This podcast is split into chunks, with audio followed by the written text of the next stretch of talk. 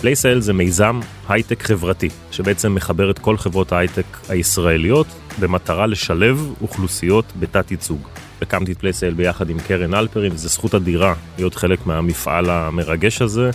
הגיע הזמן שבהייטק הישראלי אנחנו נראה עוד אנשים מקבוצות שאנחנו פחות רואים, שאנחנו נראה יותר ערבים, שנראה יותר חרדים, שנראה יותר חבר'ה מהפריפריה, ויותר דרוזים, ויותר יוצאי אתיופיה, ויותר חיילים קרביים, ויותר אנשים בעלי מוגבלויות. יש שם טאלנט, יש שם חבר'ה שלמדו, שהוכשרו, שרוצים ללמוד, שרוצים להיכנס להייטק, ואנחנו צריכים לתת להם את הצ'אנס, כי אנחנו נהנה מזה. להייטק הישראלי יש מחויבות כלפי החברה הישראלית, אנחנו היום אה, לא רק הקטר של הכלכלה הישראלית, אנחנו הכלכלה הישראלית, ואנחנו צריכים לוודא שכל מי שרוצה להיכנס להייטק, ושכל מי שיכול לתרום להייטק, ייכנס, ואנחנו נפתח לו את הדלת, כדי שההייטק ישפר את החברה הישראלית ויצמצם את הפערים.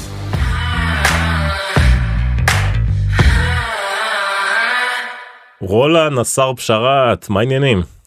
שלום שלום. איזה כיף שאת כאן, הרבה הרבה זמן חיכיתי לפרק הזה, לדבר איתך, לדעתי זה אחת הפעמים הראשונות שאת מדברת ככה באופן אה, בגלוי, בחשיפה כל כך גדולה, אני צודק? נכון, אה, אני מאוד מתרגשת להיות כאן, אה, זו פעם ראשונה שאני מדברת על אה, הכל, כמו שהבטחת לי שיהיה, אז אה, מקווה שיהיה לכם כיף. אדיר, אז רגע בוא נתחיל קצת, ספרי על עצמך, מי את?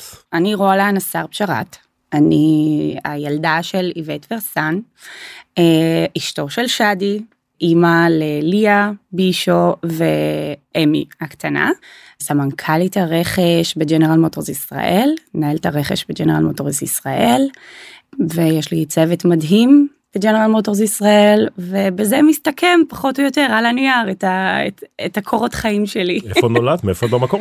אני במקור מנצרת, היום אנחנו גרים בהרצליה. יפה, אז אנחנו מתחילים כדי קצת לזה, אה, משחק אסוציאציות, אני אומר לך משהו ואת אומרת לי מה זה מזכיר לך, אה. או מה זה זה, אה, המקום האהוב עלייך בישראל. וואו, יצא לי הכנרת, אבל זה לא, לא יודעת למה. אה, אבל אה, יצא לי הכנרת, אני חושבת שזה המקום שמזכיר לי את סבא שלי הכי הרבה, אז פתאום זה קפץ לי באסוציאציה. וואו, רגע במשפט, למה מזכיר את סבא?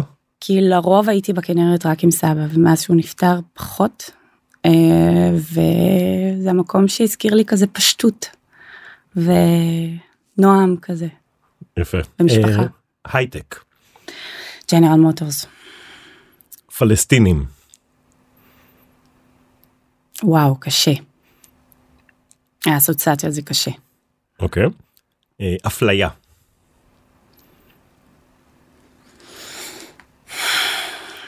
סטאז' אוקיי, אנחנו will double down on that. כן. אה, מוזיקה שאת אוהבת לשמוע.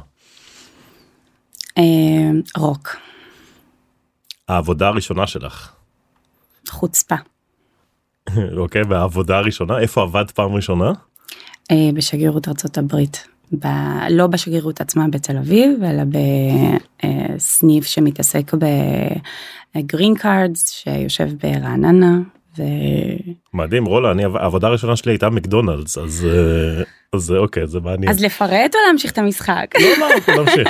אה, ספר שאת אוהבת לקרוא שאהבת לקרוא לאחרונה אמ, וואו. אה, זה כל כך קשה כי הספרים האחרונים שאני קוראת זה על ביזנס כי אני בדיוק מכינה תוכנית עסקית לעבודה.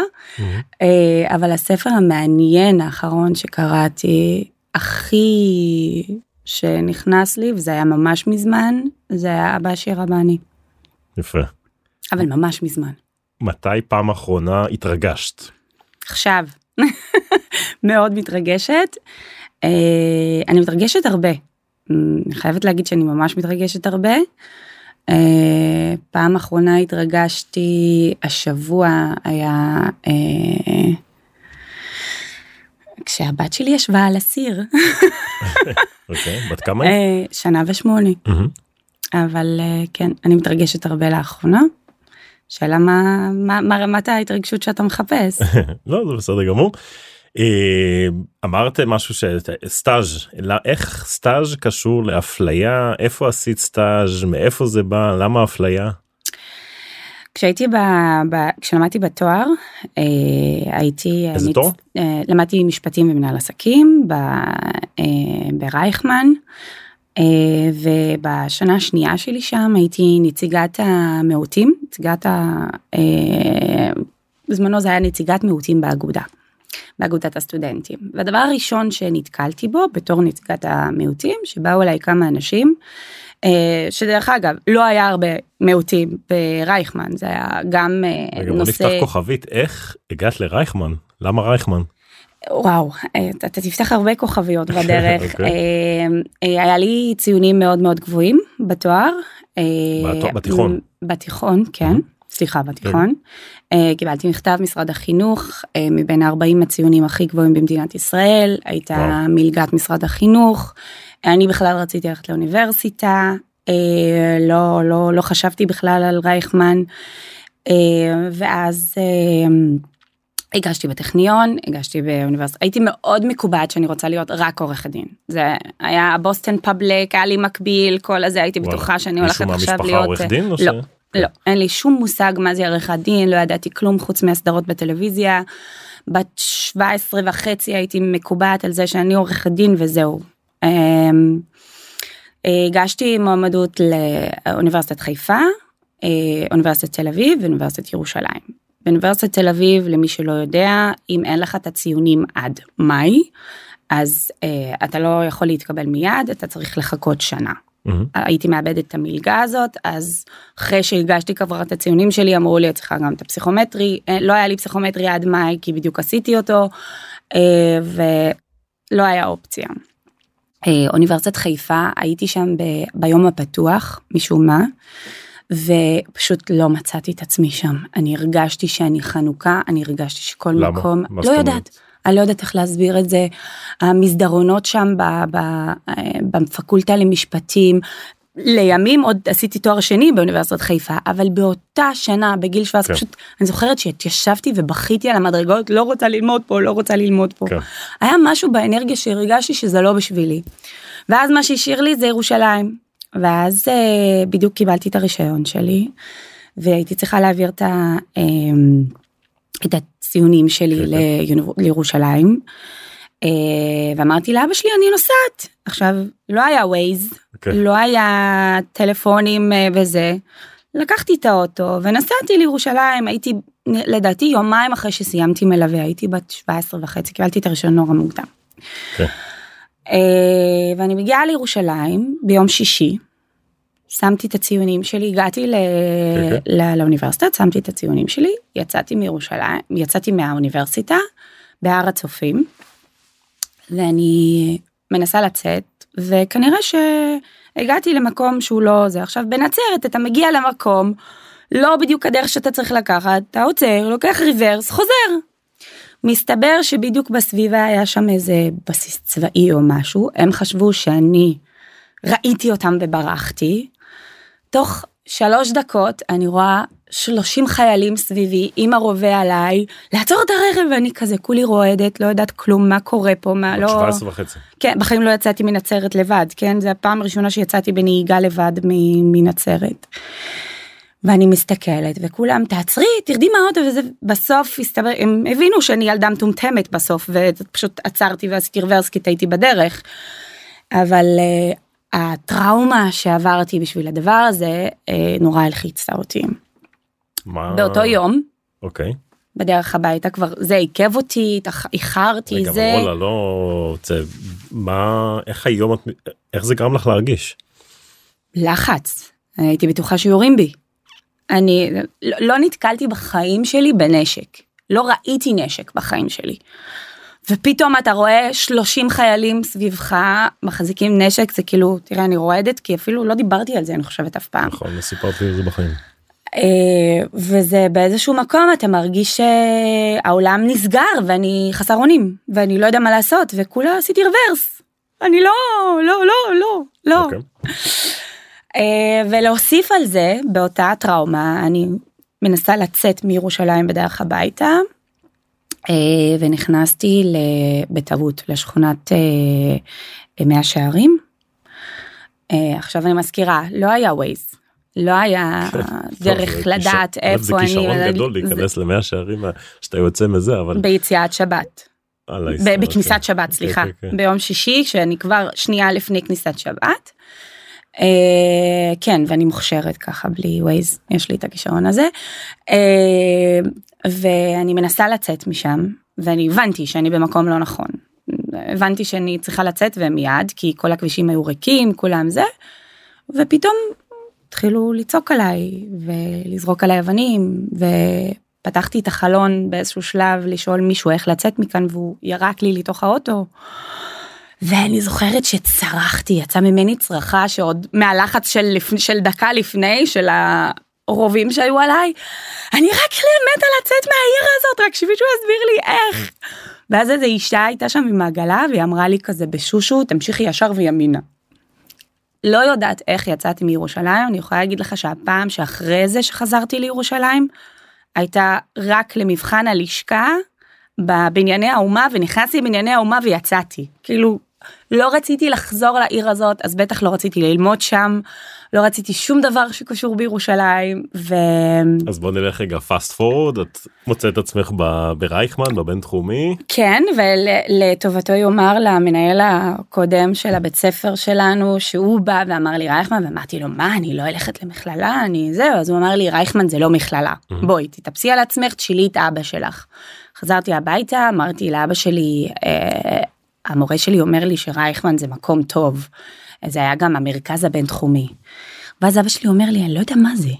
אבל אני כן רואה בחדשות לפעמים ברקע יש המרכז הבינתחומי המרכז הבינתחומי לכי תראי. נסעתי לרייכמן נכנסתי זה היה צימרים אנשים יפים בכל מקום. אמרתי זה בשבילי עזבו אותי אני רוצה פה. ופאסט פורוורד לשנתיים אחרי זה הייתי באגודה. ויש עוד ערבים בשלב הזה שאת נמצאת שם? בכל המסלול שלי של משפטים ומנהל עסקים שאני שכמה זה למדתי, אנשים בערך? 120 איש מהמם. התחלנו סיימנו בסביבות 48 49 כן. משהו מהמם. כזה אבל התחלנו 120 איש אה, הייתי אני ועוד בחורה מטייבה. מקסימה אישה מדהימה. ואיך אה, זה מרגיש? זה פעם ראשונה בעצם שאת אה, לומדת עם יהודים, את אומרת בסביבה שהיא כולה יהודית? נכון נכון אבל אני חייבת להגיד שהבינתחומי זה לא אותה סביבה נגיד החברות שלי שהתחילו ללמוד בחיפה שהתחילו ללמוד ב- בירושלים הסביבה היהודית שם הייתה אחרת. Mhm. אני חייבת לדבר על עצמי כאן בבינתחומי לא הרגשתי יותר מדי. כן. גם לא היה לי את האופציה להרגיש משהו יותר מדי הייתי חייבת להתחבר עם מישהו ולא היה לי מי כאילו זה לא שאני נגיד ב- בבתי ב- באוניברסיטאות אחרות אתה יכול להתחבר לערבים לחברים שלך שבאו איתך מהבית פה. לא הייתה לי את האופציה הזאת זה אבל כן מצאת עצמך באגודה מייצגת את המיעוטים. כן כן כן אה, מצאתי את עצמי שם.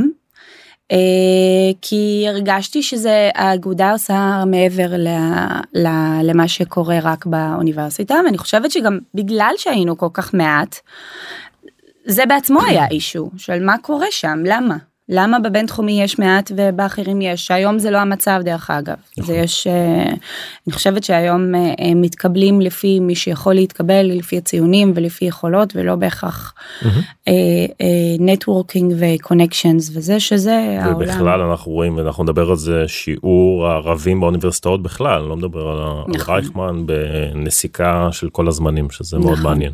נכון. אוקיי.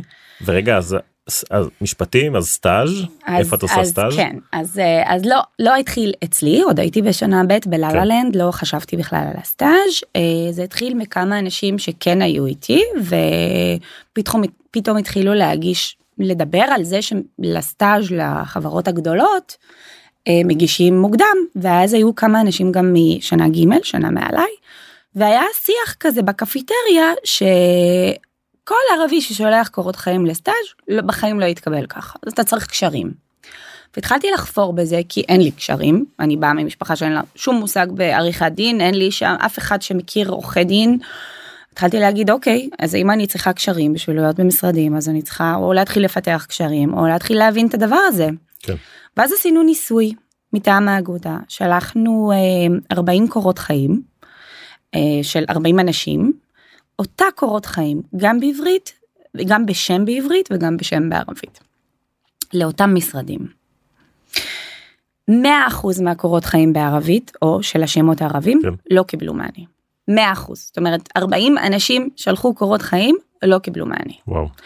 קורות חיים שבעברית עם השמות בעברית כן קיבלו מענה גם לא היה כזה אה, סטטיסטיקה מעולה היה משהו כמו 8% מענה מהמם. אבל זה עדיין 8% יותר. כן. וכשהתחלנו לברר את הדבר הזה הבנו שמדובר ב... זה לא לאו דווקא עניין של גזענות אה, על רקע אה, אה, של אני חושב שלא רוצה ערבים לידי שיכול להיות שגם כן. אבל אלא? כשביררנו עם המשרדים הם באמת מאמינים שלא אי אפשר לראות אי אפשר לדעת איך ערבי יתנהג. ב, ב, זה, זה, זה הדעה שלהם כן, כן, זה כן. מה שאני חושבת הם לא יודעים איך הוא יתאים או איך הוא יתאים תתאים מבחינת שפה לתרבות. מבחינת יכולות לא, לא, לא דיברו על תרבות אני חייבת להודות הם דיברו על השפה על היכולות השפתיות על היכולות אה, זאת אומרת בניסוי הזה שאת עושה ואני מניח שאת תתקלי בזה עוד בחיים המקצועיים שלך בזוויות אחרות אבל בניסוי אז שאת עושה עוד כסטודנטית את רואה שיש אפליה ברורה קורות חיים עם שם ערבי מקבלות פחות מענה כן מקורות חיים עם שם אה, יהודי כן ואת אומרת שזה בגלל אה, שאנחנו מניחים שהם לא יתאימו שפה וזה לא גזענות לא לא אמרתי שזה לא גזענות אמרתי הם חשבו שזה לא גזענות. הבנתי אה, תראה אני מאמינה שאתה כשאתה מגייס מישהו אתה תגייס למישהו הכי מתאים בשבילך לחברה. אני לא אגייס מישהו שהוא ערבי רק בגלל שהוא ערבי אני גם לא רוצה להיות אני לא רוצה שאף אחד יגייס אותי רק בגלל שאני ערבייה. נכון. אבל אני כן חושבת שבאיזשהו מקום אני יכולה להגיד לך שהעברית שלי הרבה יותר טובה מהרבה מאוד חברים שלי שאני מתקנת להם את העברית ואני מתקנת להם את, ה, את, ה, את הניסוחים. נכון. למה? כי אני למדתי עברית נקייה בבית ספר ואני השקעתי מאמץ בללמוד את הדבר הזה ולאו דווקא נולדתי עם זה. אז לפסול כי זה בא מישהו, מההורים? למה אה, איך ידעת כבר כילדה שאת רוצה להשקיע בעברית? לא ידעתי, למדתי בבית ספר, הבנתי. למדתי עברית בבית ספר, אבל והיה לי קליטת שפות. והשקעתי וקראתי פסקי דין והשקעתי בלימוד של העברית כדי שאני לא אעשה טעויות כי אני יודעת שאני זה שפה חדשה כשאתה לומד שפה חדשה אתה לומד את החוקים. זה אותו דבר כמו שאתה בא ללמוד אנגלית עכשיו אבל אחד הדברים שאנחנו רואים אה, לדוגמה בפלייסל שאחד החסמים הכי גדולים של האוכלוסייה הערבית להשתלב בהייטק מתחיל קודם להצטיין להשתלב באקדמיה להצטיין כן. באקדמיה ואחר כך להיכנס להייטק זה השפה. נכון. אני לא יכולה להגיד לך ש... השפה שהתחלתי, העברית. כן. ללמוד בבין תחומי לא היה לי שפה עברית מצוינת. אני באתי מבית שלא דיבר עברית כל הסביבה שלי לא דיברה עברית לא קראתי פסקי דין עשיתי בגרות בעברית למדתי עברית בבית ספר להגיד לך שזה אתה יודע כמה זמן לקח לי להבין מה זה המילה סילבוס. אני שאלתי את אבא שלי שאלתי את אמא שלי שאלתי את כל מי שאני מכירה מה זה סילבוס. שבוע שלם שאני באוניברסיטה כולם מדברים על להדפיס את הסילבוס ואני לא יודעת מה זה סילבוס המילה סילבוס לא הבנתי. עד ש... ולא היה לי מישהו לידי לשאול אותו מה זה סילבוס עד ששאלתי איזה מישהו אצלי בזה ואז הוא אמר לי את זה שלף לי את זה ואז הסתכלתי וזה אה תוכן העניינים סוג של כן, כן. וזה זה אתגר זה אתגר אבל אחרי ארבע שנים אחרי שלמדתי אחרי שהבנתי שזה אתגר והשקעתי בזה והייתה סביבה סביבי אז הצלחתי ללמוד את זה אותו דבר אה, אי אפשר לצפות ממישהו שבא מעולם זה כמו עולה חדש. שאתה מביא עולה חדש ואתה מצפה ממנו שידע עברית על בוריה הוא יכול להיות המהנדס הכי טוב אבל הוא לא יודע עברית עדיין. תן לו כמה שנים להסתובב להיכנס לתוך החברה להכיר ללמוד לדבר. הוא ידע. גם בוא למה שאתם לא תלמדו ערבית קצת? סליחה. זה א' אה, טוב. בתור אחד שעשה בגרות בערבית מעולה. ועסק בזה הרבה ואחד הדברים הראשונים שעשיתי כשהגעתי לפאלו אלטו נטוורק זה עשיתי קורס בערבית לכולם לכל העובדים ערבית מדוברת אני איתך לגמרי אני חושב שזה אחד הדברים הכי הכי מפוספסים בישראל. ואני חושב שכולנו צריכים אה, כל היהודים צריכים ללמוד ערבית קודם כל כי זה מעניין וזה עוד שפה וזה חלק ממי שאנחנו ואנחנו צריכים תראה. אה, להכיר את זה. אין ספק שזה אתגר זה אתגר כשאנחנו רוצים כמו שאני עכשיו נוסעת לארצות הברית ואם אני לא יודעת אנגלית אני צריכה ללמוד את האנגלית. אבל זה אתגר קצת מתסכל כי אתה אומר זה המדינה שלי אני נולדתי פה אני גר פה ואני לא יכול להשתמש בשפה שלי בעבודה שלי אלא אם כן אני רוצה לא יודעת מה להישאר בעבודה שהיא לא מאפשרת. Mm-hmm. אז יש פתרונות יש פתרונות שההייטק מצא שלמשל להביא את, ה, את ההייטק לצפון לעשות את ההייטק בסביבה שהיא קרובה אבל זה לא מספיק. נכון זה אתגר ללמוד את השפה אבל אנחנו צריכים לעבוד על זה שזה לא יהיה חסם. זה אתגר שאפשר להתגבר עליו שפה לומדים. אני חושב אני אפילו יותר קיצוני ממך. בסוף שאנחנו מסתכלים על מהנדסים טובים ואני חושב שתסכים איתי אנחנו לעולם לא נתפשר על איכות נכון. של טאלנט. בסוף כולנו רוצים להביא את האנשים הכי טובים. נכון. שאתה מביא מהנדסים של מדעי המחשב בסוף חשוב לך שהם ידעו אה, לאו דווקא עברית לאו דווקא ערבית בעיקר שידעו Java ושידעו C++ ו Python או whatever ושיראו תפוקות ויראו שהם יודעים לייצר תוכנה ויודעים לייצר אה, לא יודע אלגוריתמים. אה, והשפה תמיד אפשר להתגבר עליה. אה, ואני חושב שאם אנחנו נתחיל להבין את זה אנחנו נוכל לתת צ'אנס ליותר אנשים. תראה העניין של השפה אני חושבת שזה חשוב לדבר פה גם על העניין של הראיונות עבודה. ואני רוצה להעלות את זה לרגע. כשאני הלכתי להתראיין בפעם הראשונה איפה זה היה לסטאז' האמת. זה ראיון אמיתי זה היה לסטאז' נספר לך את הסיפור של השגרירות אבל זה משהו אחר. אני אני חושבת שהלחץ הזה של להגיד לחשוב לתרגם ולהגיד וגם להעביר מסר זה משהו שאתה לא יכול לחוות אלא אם כן עכשיו אתה אני אומרת לך בוא תלמד למד, למדת קצת אה, אנגלית בבית דיברת קצת אנגלית למדת בבית ספר עכשיו לך הברית תתראיין באנגלית. כן, כמה זה מלחיץ. למשרד חלומותיך. למשרד חלומותיך כן. בדיוק וזה יכול לשנות לך את החיים.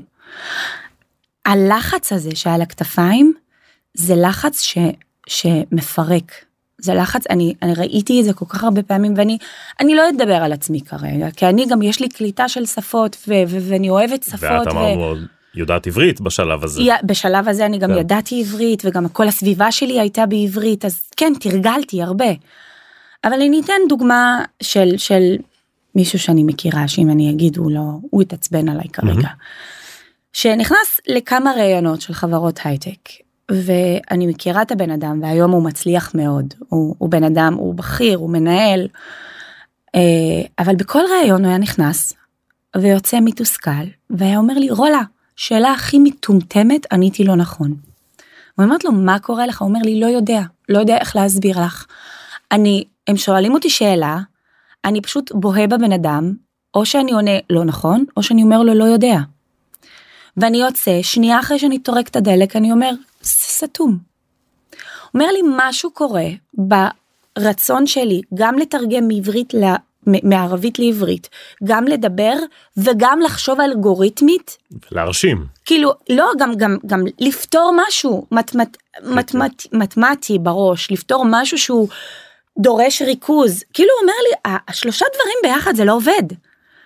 ואז אמרתי לו טיפ אחד שלא אני יודעת שאנגלית יותר קלה אמרתי לו ברעיון הבא תבקש לעשות את זה באנגלית. עכשיו הרצון להרשים זה כל כך מלחיץ שגם זה היה לו קשה לבקש. ברור. הוא אמר לי מה הם יחשבו שאני לא יודע לדבר עברית הם יחשבו דבר ראשון שאני לא יודע להסתדר עם הצוות הם יחשבו אמרתי לו אוקיי אבל לפחות בוא תגיד להם בוא תראה להם שאתה יודע. זה ואז נעבור את החלק התרבותי. ובאמת בראיונות שאחרי זה הוא עשה באנגלית והוא התקבל בחברה מדהימה והיום הוא טים ליד ובן אדם שהוא פילר במשרד שלו בחברה שלו. וזה זה אומר לך משהו. שפה זה יכול להיות חסם אבל זה גם יכול להיות אתגר. אני חושב שמה שאת אומרת רולה הוא דרמטי ואנחנו אני רוצה להדהד את זה ברשותך כי אני חושב שאנחנו כמי שמהצד היהודי מי שמראיין ומי שכל הזמן רואה טאלנט אז אני חושב שאנחנו מבינים שיש איזה culture uh, differences יש איזה פערי תרבות שאנחנו אני חושב שאנחנו לא מבינים כמה פערי השפה הם דרמטיים. ואני חושב שבמיוחד שאתה מראיין ג'וניורים שאתה מראיין אנשים נכון. שזה הכניסה שלהם הם מחפשים את הכניסה שלהם להייטק נכון והם הכי אין להם ניסיון אז זה הכל חדש. כן לא זה הכל סביב הרעיון הם חייבים להצליח ברעיון. הבדלי השפה האלה הם דרמטיים ובסוף במה זה בא לידי ביטוי שאנחנו שואלים שאלה ומורים כמו שאמרת לא יודע נכון. לא יודע. ואז אנחנו אומרים טוב הם לא יודעים או שהם ביישנים או שהם לא מספיק חושבים או שאין להם מספיק אה, חוצפה. לא מספיק חשוב לו בשביל לענות. יפה. זה גם. אה, ואנחנו חייבים להיות מודעים לזה ובמובן מסוים אפילו להתחיל את הרעיון בשאלה האם נוח לך שהרעיון יהיה בשפה העברית. ושזה יבוא מהצד שלנו מהצד של המראיינים. אני אפילו הייתי אומרת לקחת את זה צעד אחד קדימה, כי לשאול מישהו האם נוח לך בשפה העברית, התשובה האוטומטית תהיה כן. כי אני לא רוצה שירגישו שלא נכון. נוח לי. הייתי אומרת, מה אתה מעדיף, עברית או אנגלית? במה אתה מרגיש יותר נוח? או אפילו הייתי אומרת להביא עוד מישהו שדובר ערבית להיות חלק מהראיון, אפילו הראיון ההתחלתי, מהמם. ולהכניס אותו איתו לת- ל- בהתחלה. דבר איתו איזה כמה משפטים בערבית, להגיד לו, הנה, יש פה גם בערבית, הכל טוב. אם אתה לא יודע איזה מילה, תשאל, אני אעזור, אני, אני פה. אני פה רק בשביל אפילו moral support כזה, בלי להגיד את זה במילים, אבל שהבן אדם ירגיש שאוקיי, רואים אותי. מהמם. רואים אותי, אני כאן, והשפה זה לא החסם. אני יכול עכשיו להתרכז ברעיון עצמו ולא בשפה. וזה דרמטי ואנחנו רואים את זה כל הזמן זה אחד הדברים המהותיים שאנחנו עושים עם Place IL ואחד הדברים שאנחנו רואים עם כל החברות שאנחנו עובדים איתם. זה נכון לכל אוכלוסייה בתת ייצוג אגב נכון. שאתה מראיין מישהו מאוכלוסייה שהיא בתת ייצוג.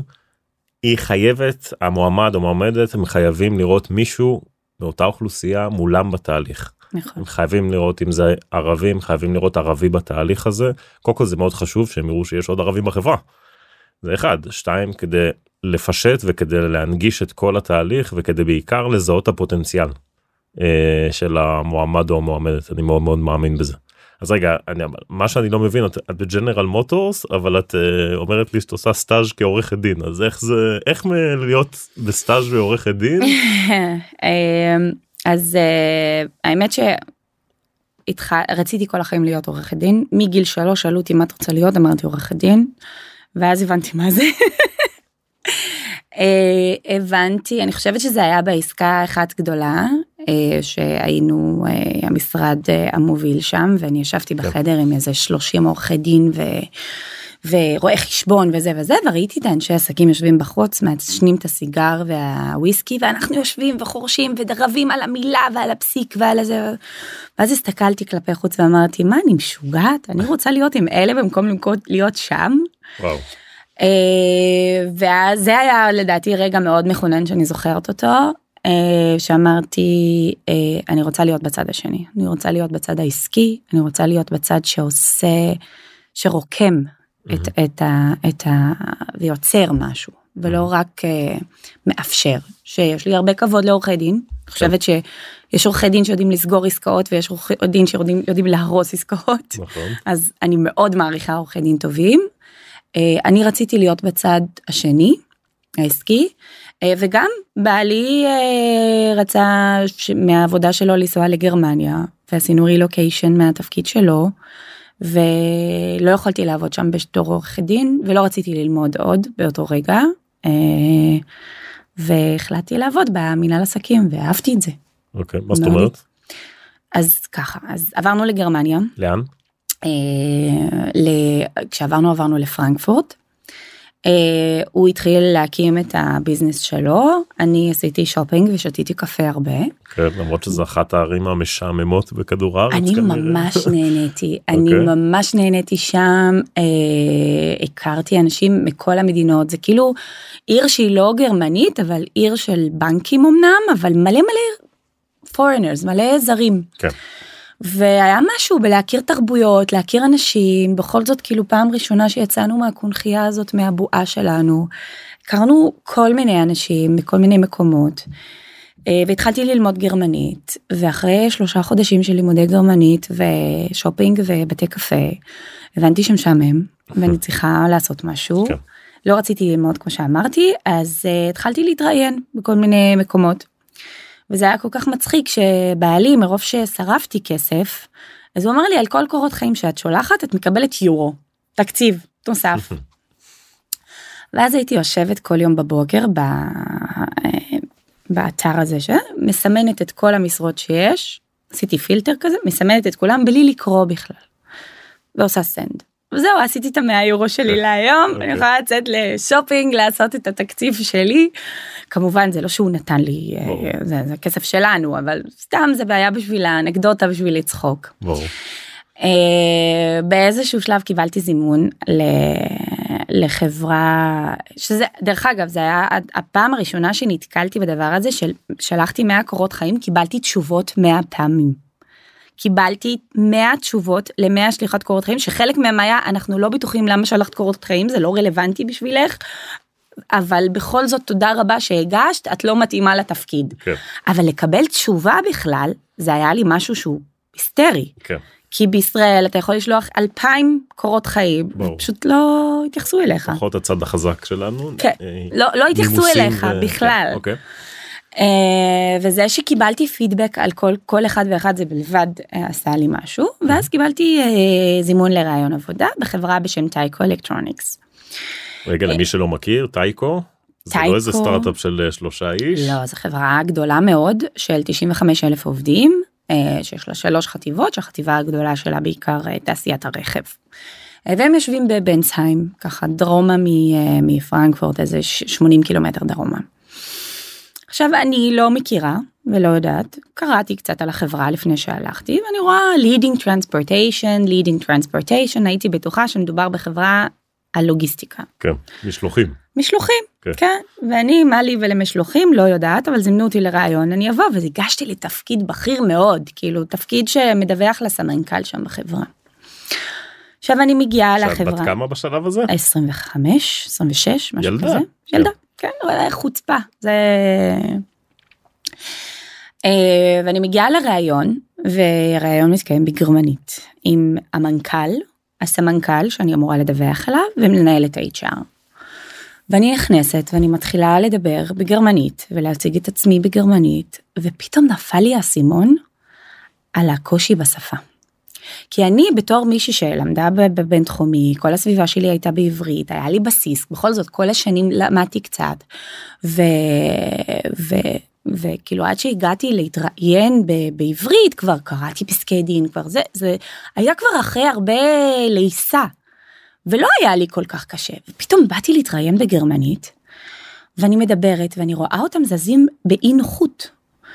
ואני מדברת ואני מנסה להסביר את עצמי ואת הרלוונטיות וזה שאני למדתי מנהל עסקים ויש לי ניסיון בניהול פרויקטים ואני ואני מנסה ואני מדברת ואני מדברת גרמנית נכונה אני באמת באתי מוכנה עם כל המשפטים ובואנה איזה אומץ היה לך.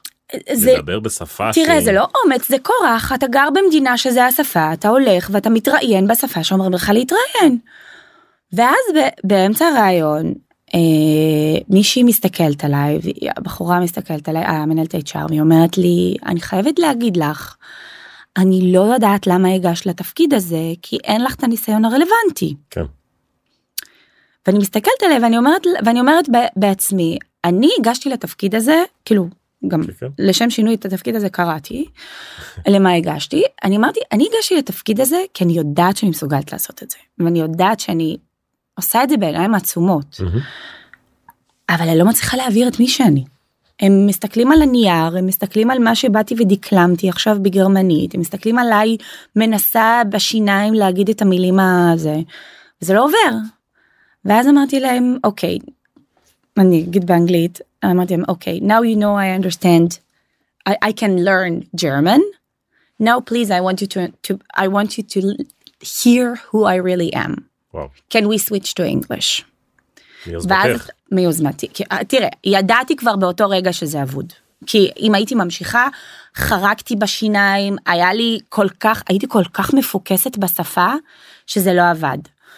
אה, ביקשתי לעבור לאנגלית עברתי לאנגלית התחלתי לדבר איתם פתאום באמצע הראיון אחרי שעברתי לאנגלית והם דיברו איתי באנגלית הבנתי שבכלל מדובר בתעשיית הרכב.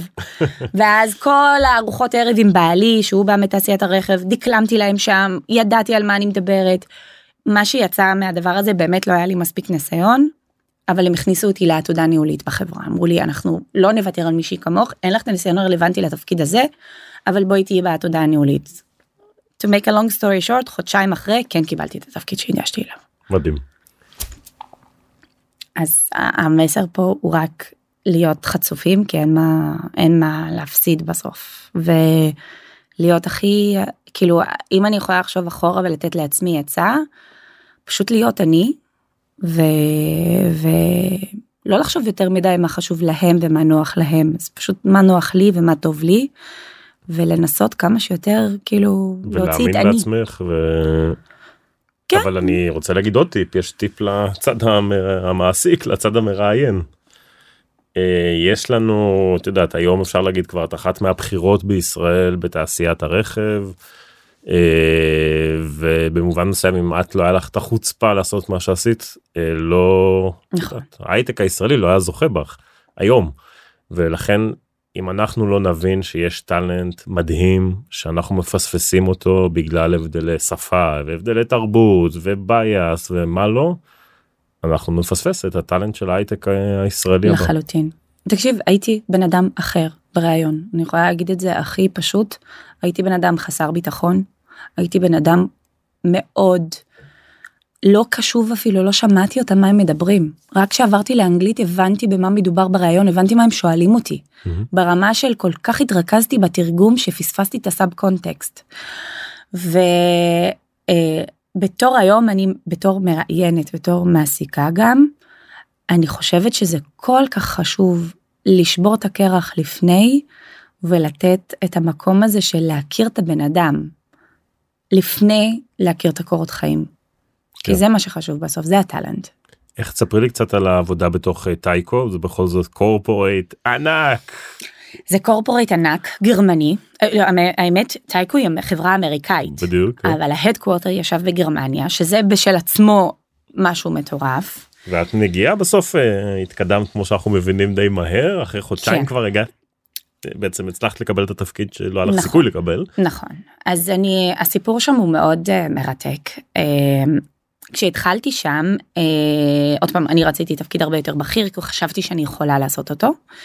Uh, וכשאמרו לי בואי תקחי את העתודה הניהולית אה, אמרתי טוב בסדר אין לי מה להפסיד אני בת 25 אני רוצה אני ממש אוהבת את תעשיית הרכב באמת התחברתי מבעלי כל כך דיבר על זה כל כן. הזמן ובאמת התחברתי לעולם הזה ואם כבר בגרמניה לעסוק במשהו אז זה זה. אמ, אה, ו...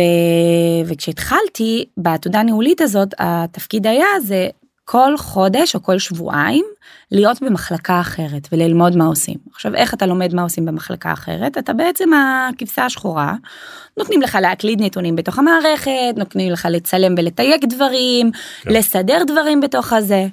עכשיו מושלם. לחזור על הסטאז'. מה זה לחזור על הסטאז' גם בסטאז' לא עשיתי את זה אני יכולה להגיד לך. Okay. אה, אבל באיזשהו מקום אתה כאילו מסתכל על הכל מלמטה ואתה רואה כל מה שלא עובד.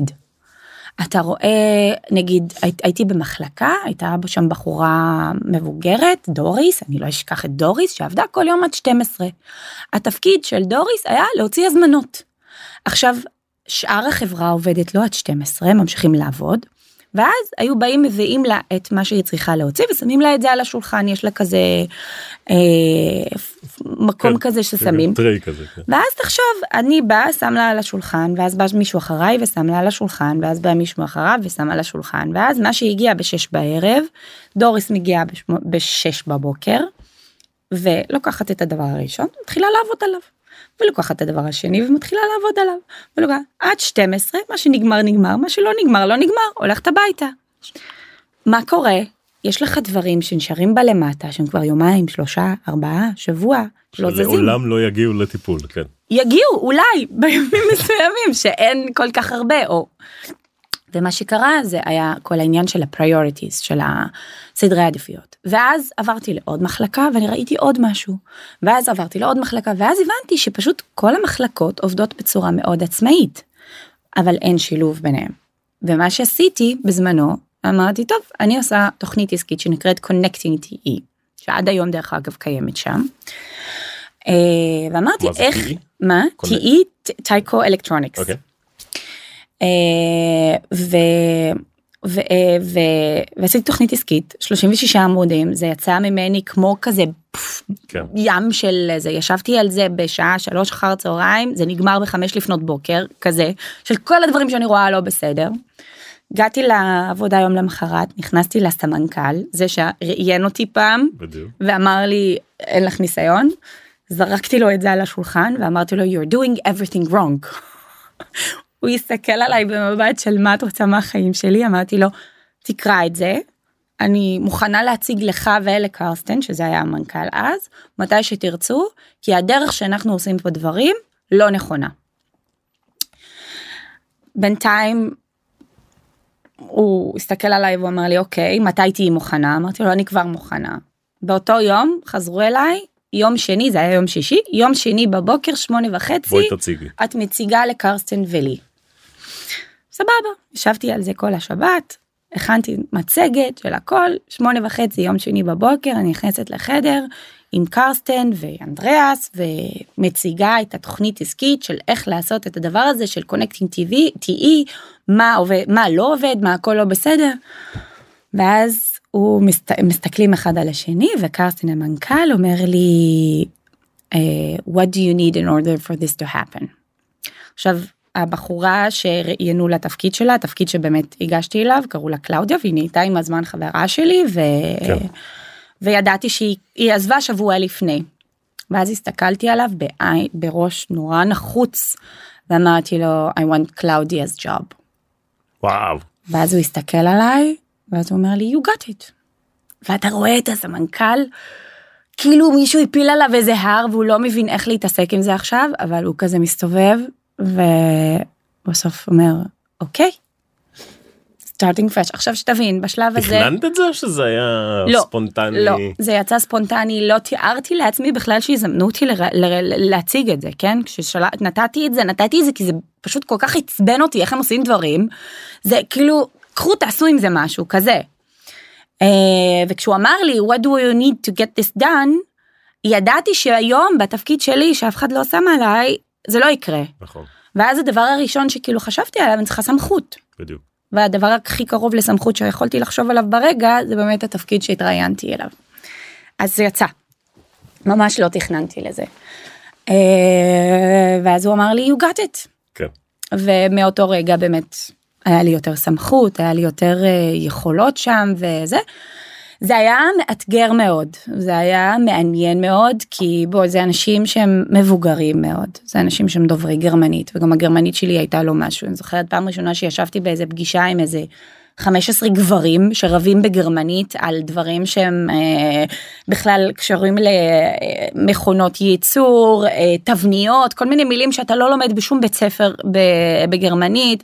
דבר על שרטוטים שלא ראיתי בחיים שרטוטים. שבסיטואציה הזאת זה מדרבן אותך? זה יוצא לך יותר מוטיבציה? זה את אומרת לעצמך מה למען השם אני עושה כאן? לא אף פעם לא אמרתי מה למען השם אני עושה כאן? זה כן אה, היה אתגר בשבילי אתגר גדול אבל גם רציתי להוכיח אותם שהם לא צודקים רציתי להוכיח את אלה שלא האמינו בי שאתם טועים הם חשבו שאיזה ילדה בת 25 עכשיו באה להסביר לנו איך לעבוד ככה אנחנו עובדים שנים. ו- ורציתי להוכיח להם שאני לא ילדה בת 25 אני יודעת על מה אני אחרי מדברת. כמה זמן הרגשת שהוכחת להם את זה כשעזבתי. כשעזבתי ואמרו לי ש... שפתאום ראיתי את ה... פתאום גרמנים הם אנשים מאוד גאים אז אתה לא תשמע יו איזה כיף שאת מנהלת שלי היא הילדה קטנה חמודה שלפני דקה עשית לי את הנתונים.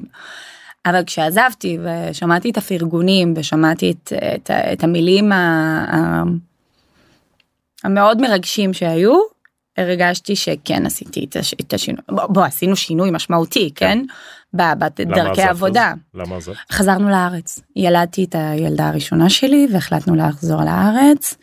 אה, גם התלבטתם? חשבתם להישאר שם? מאוד כבר התלבטנו יודעת גרמנית? את, מאוד אה, התלבטנו מאוד מהמם. אני לא רציתי לחזור אני מודה. הרבה מזה גם uh, הזהות כי תמיד אמרתי הבת שלי היא נוצרייה.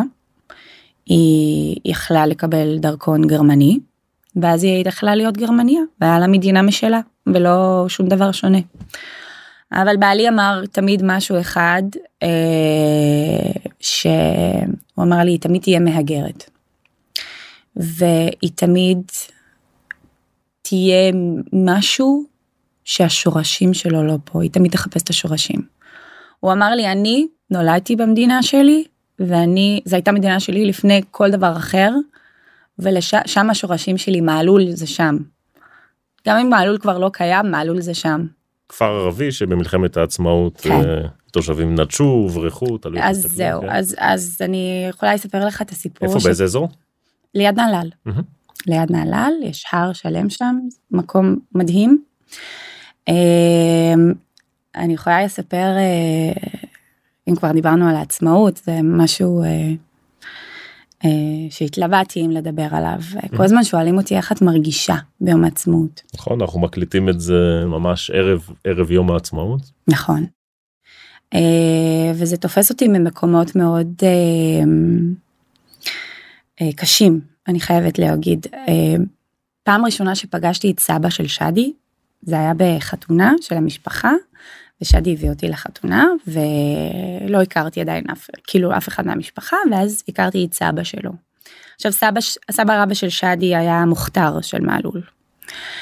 אה, לא הסבא הזה הסבא השני אבל גם זה כאילו אותה משפחה. אה, ופגשתי את סבא שלו והוא אמר לי שלום וזה ואז אה, אמרתי לו אני רולה ואז הוא שאל אותי ואז, ואז שדי שאמר לו סבא רולה היא עורכת דין. והוא התרגש כל כך הרבה. ופתאום הוא הוציא לי מפתח שהיה לו סביב הצוואר והוציא אותו הוא אומר לי הנה הנה והוא קורא לכולם באה עורכת דין שתחזיר אותי הביתה. וואו. ואני לא הבנתי כלום כי אני לא אני המשפחה שלי זה מנצרת ולא אין לי לא גדלתי על הסיפורים האלה ופתאום הוא אומר אני כל הזמן חיכיתי לעורכת דין שתבוא ותחזירו אותנו הביתה. ובדיעבד הבנתי שהסיפור של מעלול שהיה שאמרו להם תצאו מפה יום יומיים אנחנו נסיים פה הכל יהיה בשלום ותחזרו. ותחזרו סגרו את הבית לקחו את המפתח יצאו יום יומיים ועדיין מחכים לחזור. אה, עכשיו אי אפשר להיות תקועים בעבר. אי אפשר אני לא נלחמת את המלחמות של האבות שלי ואת הסבות סבים שלי ואת ה... חייבים להמשיך הלאה אני נלחמת את המלחמות של הילדים שלי היום. אבל עדיין ביום הזה ביום הזיכרון חשוב גם לזכור שיש את הצד השני. שכמה שיום העצמאות הוא יום שמח לעם היהודי, יש עוד עם שחווה פה משהו. ויש מקום, אני חושבת שכל הזמן מדברים על יום הנכבה. מה זה נכבה בערבית? זה מכה. זה היום שמישהו קיבל מכה. עכשיו, יש את החלק של האנטיגוניזם של שאני לא אוהבת אני לא אם תשאל אותי עכשיו מה זה יום העצמאות אני לא אגיד לך זה יום הנכבה זה לא, כי זה כי אני יודעת שזה מטריג כן. יש מישהו ש...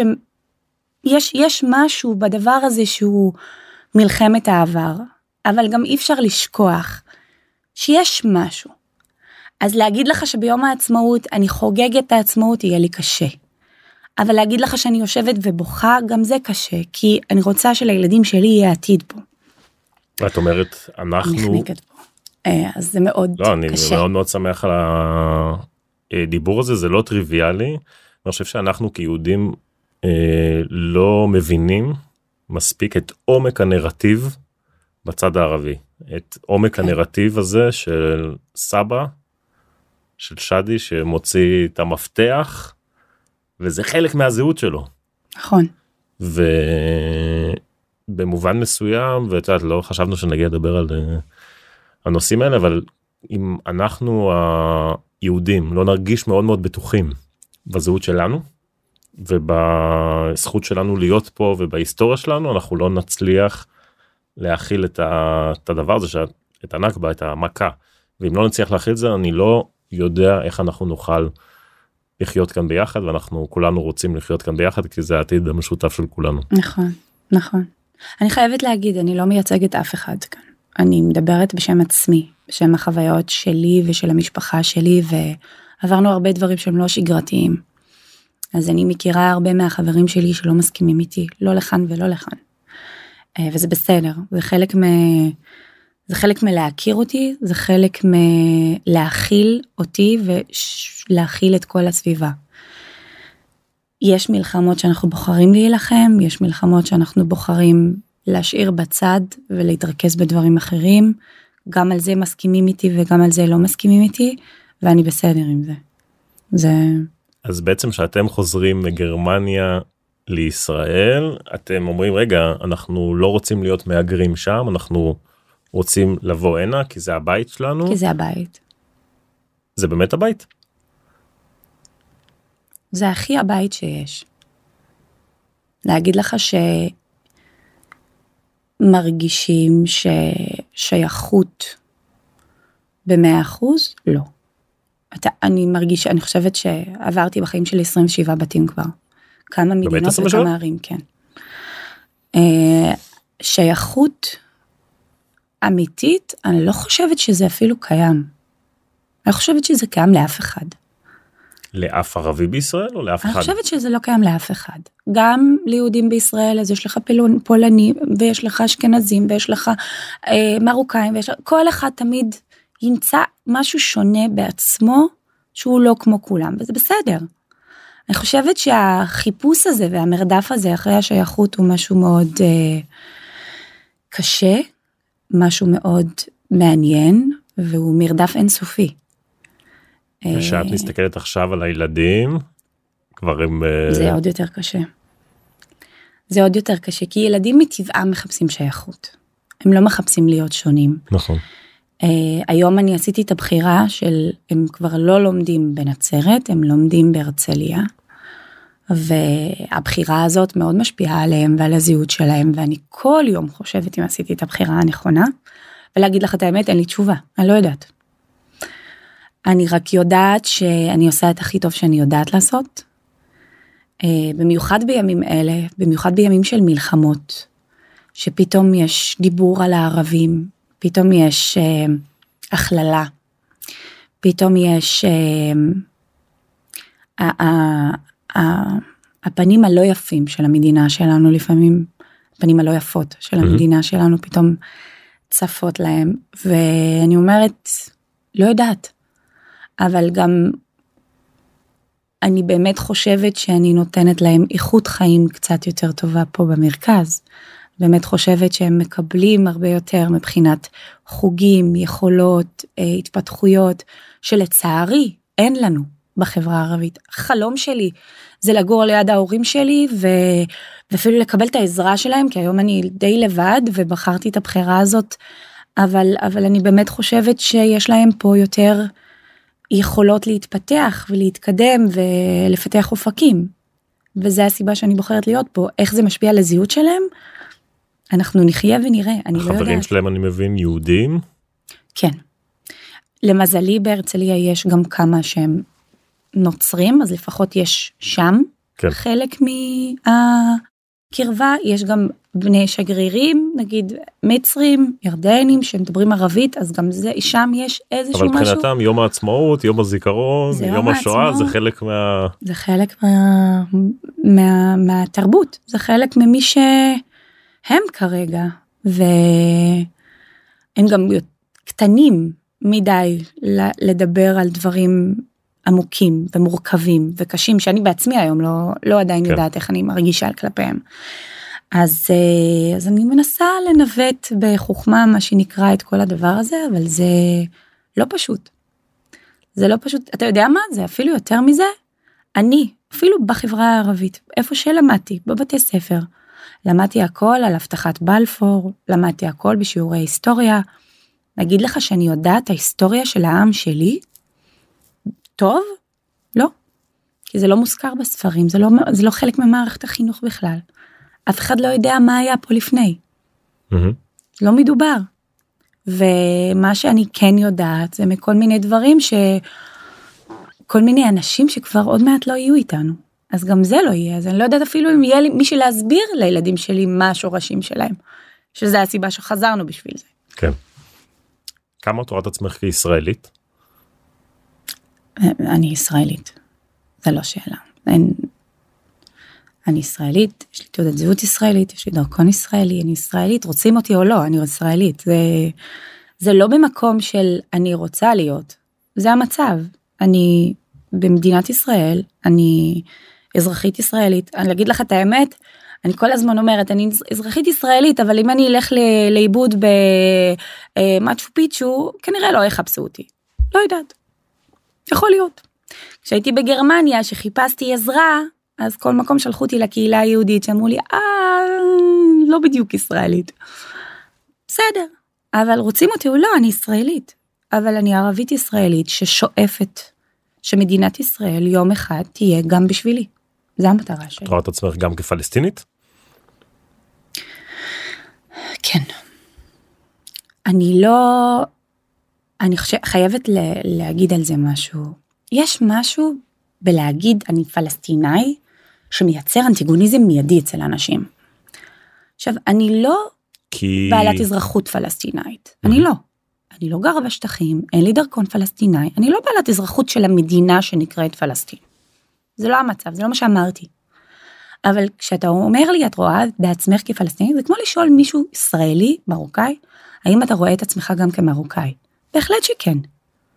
יש לי תרבות, אוכל, שירה, אנשים, אה, אה, אה, מנהגים, דברים שהם מאוד מאוד מדויקים לעם הפלסטיני שהיה פה ושעדיין פה. ב Christmas אני כל כך נהנית לנסוע לבית לחם. כיף שם, יש את האוכל שלי, יש את האנשים שלי. יש ולא את. רק בגלל ההיבט הנוצרי, אלא... גם, גם. גם, אבל אני אוהבת את הפלאפל שמשום אני הישראלי, אבל לא, הפלאפל בבית לחם זה כזה גדול וזה זה, אה, אני כל כך אוהבת את ה... את ה את הטבולה שנכון המקור של זה מסוריה אבל הטבולה של פה קצת יותר שונה קצת יותר טעים לדעתי. אני אוהבת את המאכלים המיוחדים את הממולאים שהם הרבה יותר דקים מהממולאים של המרוקאים שזה משהו אחר. את השירה. יש לנו פה זמרים מטורפים שאף אחד לא מכיר אותם. את, ה, את הערבים של, של ערבי אה, אה, ערבי תרבות כן. שלנו. אה, אה, התרבות הספרים אנחנו עם קורא. יש ספרים ותרבות מטורפת. יש ספרות מדהימה בערבית. שהיא ערבית או פלסטינית? גם ערבית גם פלסטינית. גם ערבית וגם פלסטינית. יש פה משוררים יש פה סופרים מדהימים. ואי אפשר למחוק את זה. אי אפשר להגיד אין תרבות פלסטינאית. את תהיי ישראלית וזהו. תעמדי תלמדי את התקווה. אני לא יכולה לעמוד ולהגיד אני דיברנו על זה הייתי עכשיו בטקס של אה, אה, בטקס בבית הספר וכל הילדים עמדו ושרו את התקווה ואני מסתכלת על הבן שלי ועוד ילד והם שיחקו כזה בזמן התקווה והאימא שהיא חברה טובה שלי אה, מסתכלת על הבן שלה ועכשיו אני רואה את הבן שלי הוא כזה משחק וזה ו... ואני וסיימו להגיד את התקווה ואני מסתכלת עליה והיא מסתכלת על הבן שלה והיא, והיא צועקת עליו אתה לא יכולת לעמוד ולשיר איזה חוסר כבוד. ואני מסתכלת עליה ואני אומרת איזה כיף לה. איזה כיף לה שיש לה את התחושה הזאת שההמנון של המדינה שלה מדבר עליה. מדבר על התחושת שייכות שלה וכל מה שאני שומעת בהמנון זה נפש יהודי ומיה ואני מגיעה לחלק הזה ומשהו בי אומר זה לא שלך. וכמה שאני רוצה כמה שאני רוצה את הערך שייכות הזה לילדים שלי זה עדיין זה המילים. עכשיו אני בפודקאסט הזה אנחנו לא נשנה את המילים של התקווה אני גם בטוחה שכולם לא מסכימים וזה מדינה זה לא רק המדינה של העם היהודי זה מדינה יהודית ודמוקרטית אבל בוא גם הדמוקרטית עכשיו זה הכל עכשיו זה נהיה ממש רגשי. אז אה, אז כן אני גם מרגישה ישראלית אבל גם מרגישה פלסטינאית והתשובה החד משמעית של הזהות שלי זה שזה מורכב. וואו. אה, קודם כל תודה על כל השיתוף הזה אני יודע כמה זה לא טריוויאלי וכמה אפילו זה אמיץ. אה, פעם ראשונה שאני מדברת על זה אפילו אני גם לא בטוחה שאני בעצמי עיכלתי את המחשבות שלי עד עכשיו אבל אה, אני חושב שהן מאוד רולה הן. מאוד מאוד מאוד חשובות הן חשובות בשיח הישראלי. אני חושב שאנחנו צריכים להבין שיש פה אוכלוסייה מאוד גדולה ותעזבי רגע יהודית דמוקרטית את כל ה... יש אוכלוסייה שרוצה להיות שייכת ולא מרגישה שייכת. ואני חושב שאנחנו תפקיד של כולנו זה לגרום לזה שכולם יהיו שייכים וכולם ירגישו שייכים בישראל. אה, מבלי להוריד שום דבר מהערכים המרכזיים של ישראל שהיא מדינה של הלאום היהודי ומדינה דמוקרטית וכל זה. זה הכל מתחיל בשייכות. נכון. אנחנו צריכים להיות מודעים ש- לזה. אני, אני לא בטוחה שיהיה יום אחד שאנחנו, הדור שלנו, נרגיש שייכות לפחות. לא, לא מאמינה, אני מקווה, אבל לא, לא מאמינה. אבל כן יש לי תקווה שאולי הילדים שלנו, באמת, אם נעבוד נכון ובכיוון הנכון, אולי לילדים של כולנו תהיה פה מדינה. אה, הלוואי ואת יודעת מה אני חושב שגם להייטק יש תפקיד מאוד מאוד משמעותי כאן. בהחלט. ובואו רגע. נדבר על ההייטק. אני חושב שכולם יודעים אבל בערך אה, רק 4% מכל העובדים בהייטק באים מהאוכלוסייה הערבית רק 4% עצוב מאוד. וגם זה שאתה מסתכל זה בערך 3% הם גברים ואחוז אחד פחות או יותר הם נשים. אה, זאת אומרת זו אוכלוסייה בתת ייצוג מחפיר בטח שאתה מסתכל כמו שדיברנו על האוניברסיטאות ואתה רואה שיש עלייה מאוד גדולה ומבורכת של אוכלוסייה ערבית שמגיעה ל- בטח מכללות וגם אוניברסיטאות ועדיין אתה לא רואה ערבים בהייטק. למה? איפה החסם? קודם כל יש מלא חסמים. אה, בוא נתחיל מחבר מביא חבר. שיטת ההייטק לגיוס היא שיטה של חבר מביא חבר. וכשאתה מחפש לגייס 8200 כל הזמן ואתה מחפש לגייס את הכי טובים יוצאי צבא בדרך כלל חבר מביא חבר זה לא ממישהו שהוא שונה ממנו זה נכון. חבר. אה, אז בואו נתחיל מזה זה אחד. שתיים אה, יש משהו ב-comfort zone של כל מגייס. שכשאני באה לגייס אני תמיד זה, זה משהו פסיכולוגי ידוע שאני באה לגייס אני מגייס מישהו שדומה לי ברור. אני מגייס מישהו שאני רואה שיש לי איך לעזור לו אפילו. אני רואה מישהו שאני רוצה להיות המנטור שלו. וכשאני רוצה להיות המנטור של מישהו אני רוצה להבין את האתגרים שלו ולהגיד לו ככה אתה עושה. מהמם. וכשאתה בא ממקום שאתה לא מבין את התרבות של המישהו שבא ואתה לא מבין את האתגרים שלו אתה לא בהכרח מתחבר לזה. וזה לא ממקום של גזענות זה ממקום של אני לא מכיר אז אני לא יודע ואני נוטה ללכת למה שאני יודע.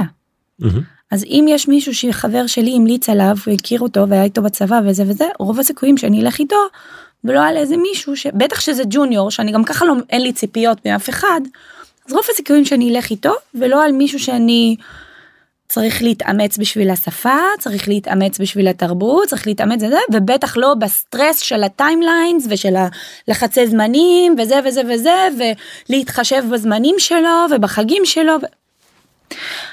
הנקודה שבה אני אבין בתור מנהל שאני צריך את זה, זה הנקודה שבה אני אומר, אם לא יהיה לי מישהו שחושב אחרת ממני, ואני תמיד כנראה אהיה צודק יחד איתו, אנחנו נהיה תמיד כנראה צודקים, אבל אף פעם לא חכמים.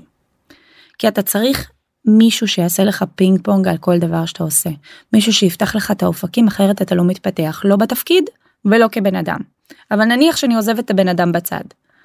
בכל תפקיד בתור מנהל אתה צריך שאנשים יאתגרו אותך. אתה צריך שאנשים... והאתגור מספר אחד מגיע מגיוון. נכון, אם יש אנשים שהם בכלל לא באים מהרקע שלי ולא אה, נכון, אה, נולדו נכון. באותו חברה שלי ולא אה, בדיוק. למדו כמוני. ככה פתאום אני אכניס לחדר לחדר הדיונים ולקוד שלי אה, מחשבה אחרת וחשיבה אחרת ואתגר אחר ואני בדרך כלל אופתע בדרך כלל לטובה. בדיוק. הרבה, זה מאוד נכון שאם אני אגייס הרבה אנשים כמוני, אני אנוע יותר מהר. כנראה. כי כולם יקשיבו לי, כולם יסכימו איתי, כולם ירוצו איתי. אבל יכול להיות שאני אנוע מהר לכיוון הלא נכון. וזה המקום שבו אנחנו צריכים גיוון וצריכים מישהו שיגיד רגע שנייה אולי זה אחרת. ואז אני מסדר את המסלול לכיוון הנכון ולמטרה שאני צריך להגיע אליה. וזה מה שהגיוון נותן.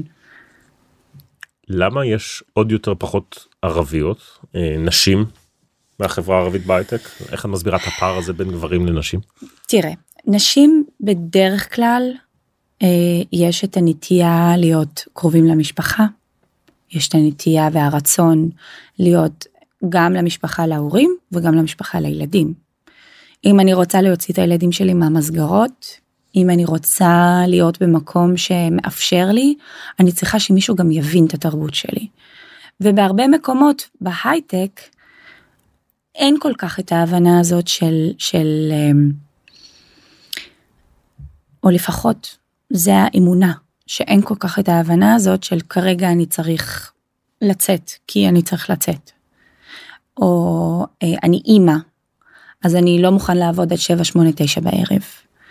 זאת אומרת אה, אנחנו בכלל את אומרת זה אחד הפערים שקיימים לצערנו ואני מאוד מקווה שככל שהזמן יעבור אנחנו זה, לא זה. פערים בדיוק זה פערים בין נשים וגברים גם בדיוק. תסתכל על האחוז בין נשים לגברים גם במגזר היהודי אתה תראה שזה גם אותו דבר מהמם.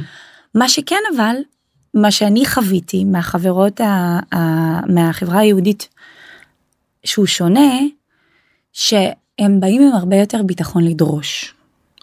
שלנו כנראה ייקח עוד קצת זמן זאת אומרת אני כשאני באה ואני אומרת אני אני לא יכולה לעשות את הפגישה הזאת עם עשרה משתתפים גברים בשעה שבע וחצי כי אני באמצע מקלחות. אני היום נמצאת במצב שאני אומרת אני לא יכולה ואם אתם רוצים לעשות אותה בלעדיי סבבה תוציאו לי סיכום ואם אני מאשרת מאשרת אם לא תעשו אותה עוד פעם. ואז ידחו את הפגישה בגללי.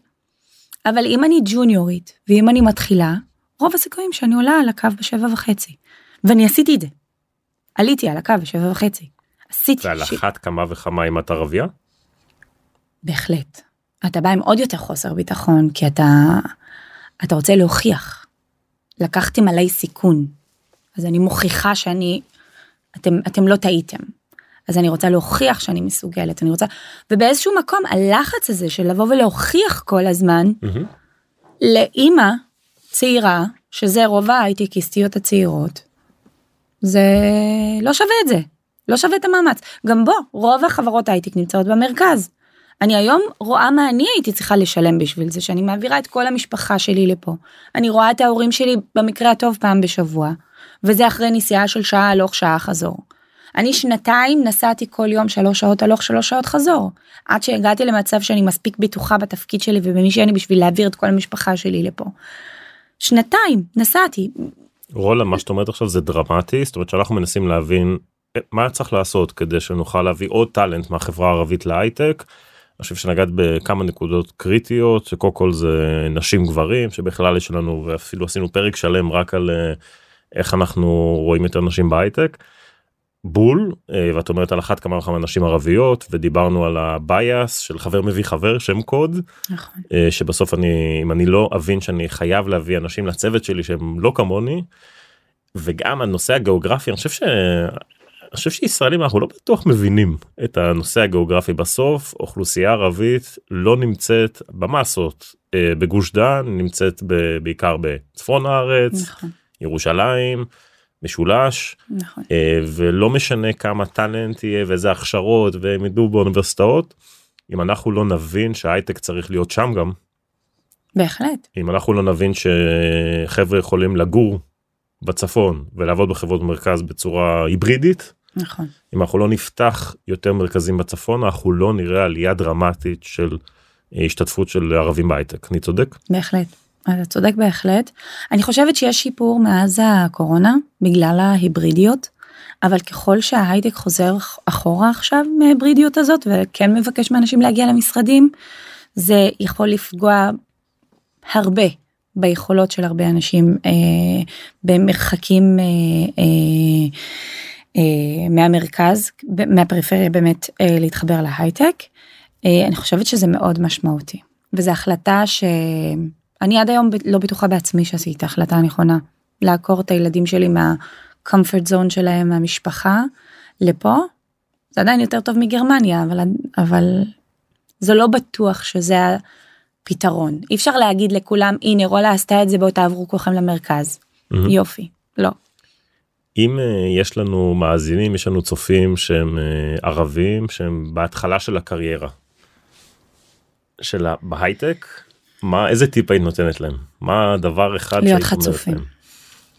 להיות חצופים ולא לפחד. הרבה אנחנו גדלים באיזושהי תרבות של לכבד ולרצות.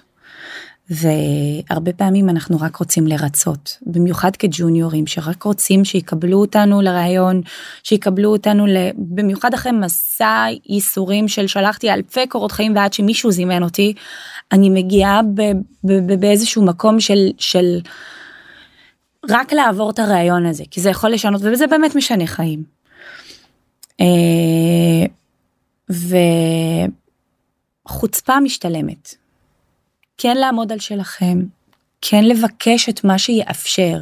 כי אם אני עכשיו אגיד כן כן אני אגיע לעבודה כל יום אני אהיה פה משמונה עד שמונה ואני אסע אבל אז אני מוסיפה לזה עוד שלוש שעות הלוך שלוש שעות חזור גם אם אני אתקבל אחרי חצי שנה אני כבר אהיה כל כך מותש אני לא אהיה נכון. טוב בעבודה שלי אני אז להגיד יש לי את האתגר הגיאוגרפי אני יודע שאני גר רחוק אבל יש לזה פתרונות אני יכול לעבוד מהבית יש לי משרד בנוי תדדה, אני יכול לעשות את זה אני עובד מאוד טוב מהבית. אה, להגיד יש לי את האתגר של החגים ושל הזה שהוא שונה אבל כשהחגים שלכם אז אני, אני יכול פסח, לגבות כן. בדיוק אני יכול לגבות זה יכול לעזור כי רוב ההייטק עובדים עם ארצות הברית ואז יש יתרונות אפשר עכשיו, להציב אותם. ועכשיו את בחירה בהייטק הישראלי. כן. אה, איך אנחנו רואים יותר ערבים בכירים בהייטק? איך אנחנו רואים יותר ערבים וערביות מתקדמים ותופסים אה, פיקוד בתפקידים מאוד בכירים? תראה זו שאלה קשה שאני לא יודעת את התשובה שלה. אני באמת לא יודעת את התשובה שלה. אני חושבת שזה... אה, יש מקום לבוא ולהגיד אני רוצה שמישהו ייצג אותי בפסגה וגם בתור בעלים של חברה גם בתור חברה שהיא mm-hmm. גדולה הייטקיסטית להגיד אני רוצה שמישהו ייצג וידרבן את האנשים אצלי בחברה. נגיד בכל חברה חשוב לדעתי שיהיה בצמרת גם מישהו מרקע אה, אני לא אפרט אני חושבת שחשוב מאוד שיהיה, שיהיה גיוון, גיוון גם בהנהלה שיהיה גיוון לא גם בהנהלה בעיקר בהנהלה. בעיקר בהנהלה חשוב שיהיה גיוון. נכון. אני חושבת שאם מישהו נכנס לחברה ורואה שיש מישהו כמוהו בהנהלה הוא יודע שלא משנה מה אני עושה עכשיו אין לו תקרת זכוכית זה לא זה לא בגלל שאני ערבי. הפונקציה הזאת של הגזענות פתאום נופלת זה כבר לא מעניין. ופתאום זה לא מאתגר אותי בראש גם אם זה אתגר. זה מדהים שבעצם ההתקדמות שלי לא קשורה להיותי ערבי או לא. בגלל שאני רואה ערבי או ערבייה בהנהלה בהנהגה של החברה. לא, אני דייק. ההתקדמות שלי כשאני ערבי הרבה פעמים כן, כן תלויה. הרבה פעמים יש גזענות ואני נתקלתי בכל כך הרבה סיטואציות שאל תשכח חברות הייטק זה חברות הייטק עם מלא מנהלים ויש כאלה שהם גם גזענים. ברור. זה קורה. ויכול להיות שבאמת המגבלה שלי תהיה זה שאני לא בא מהרקע שבא לא טוב. יכול להיות. ולאו דווקא ערבי זה יכול להיות גם כל מיני אה, אוכלוסיות עם תת ייצוג.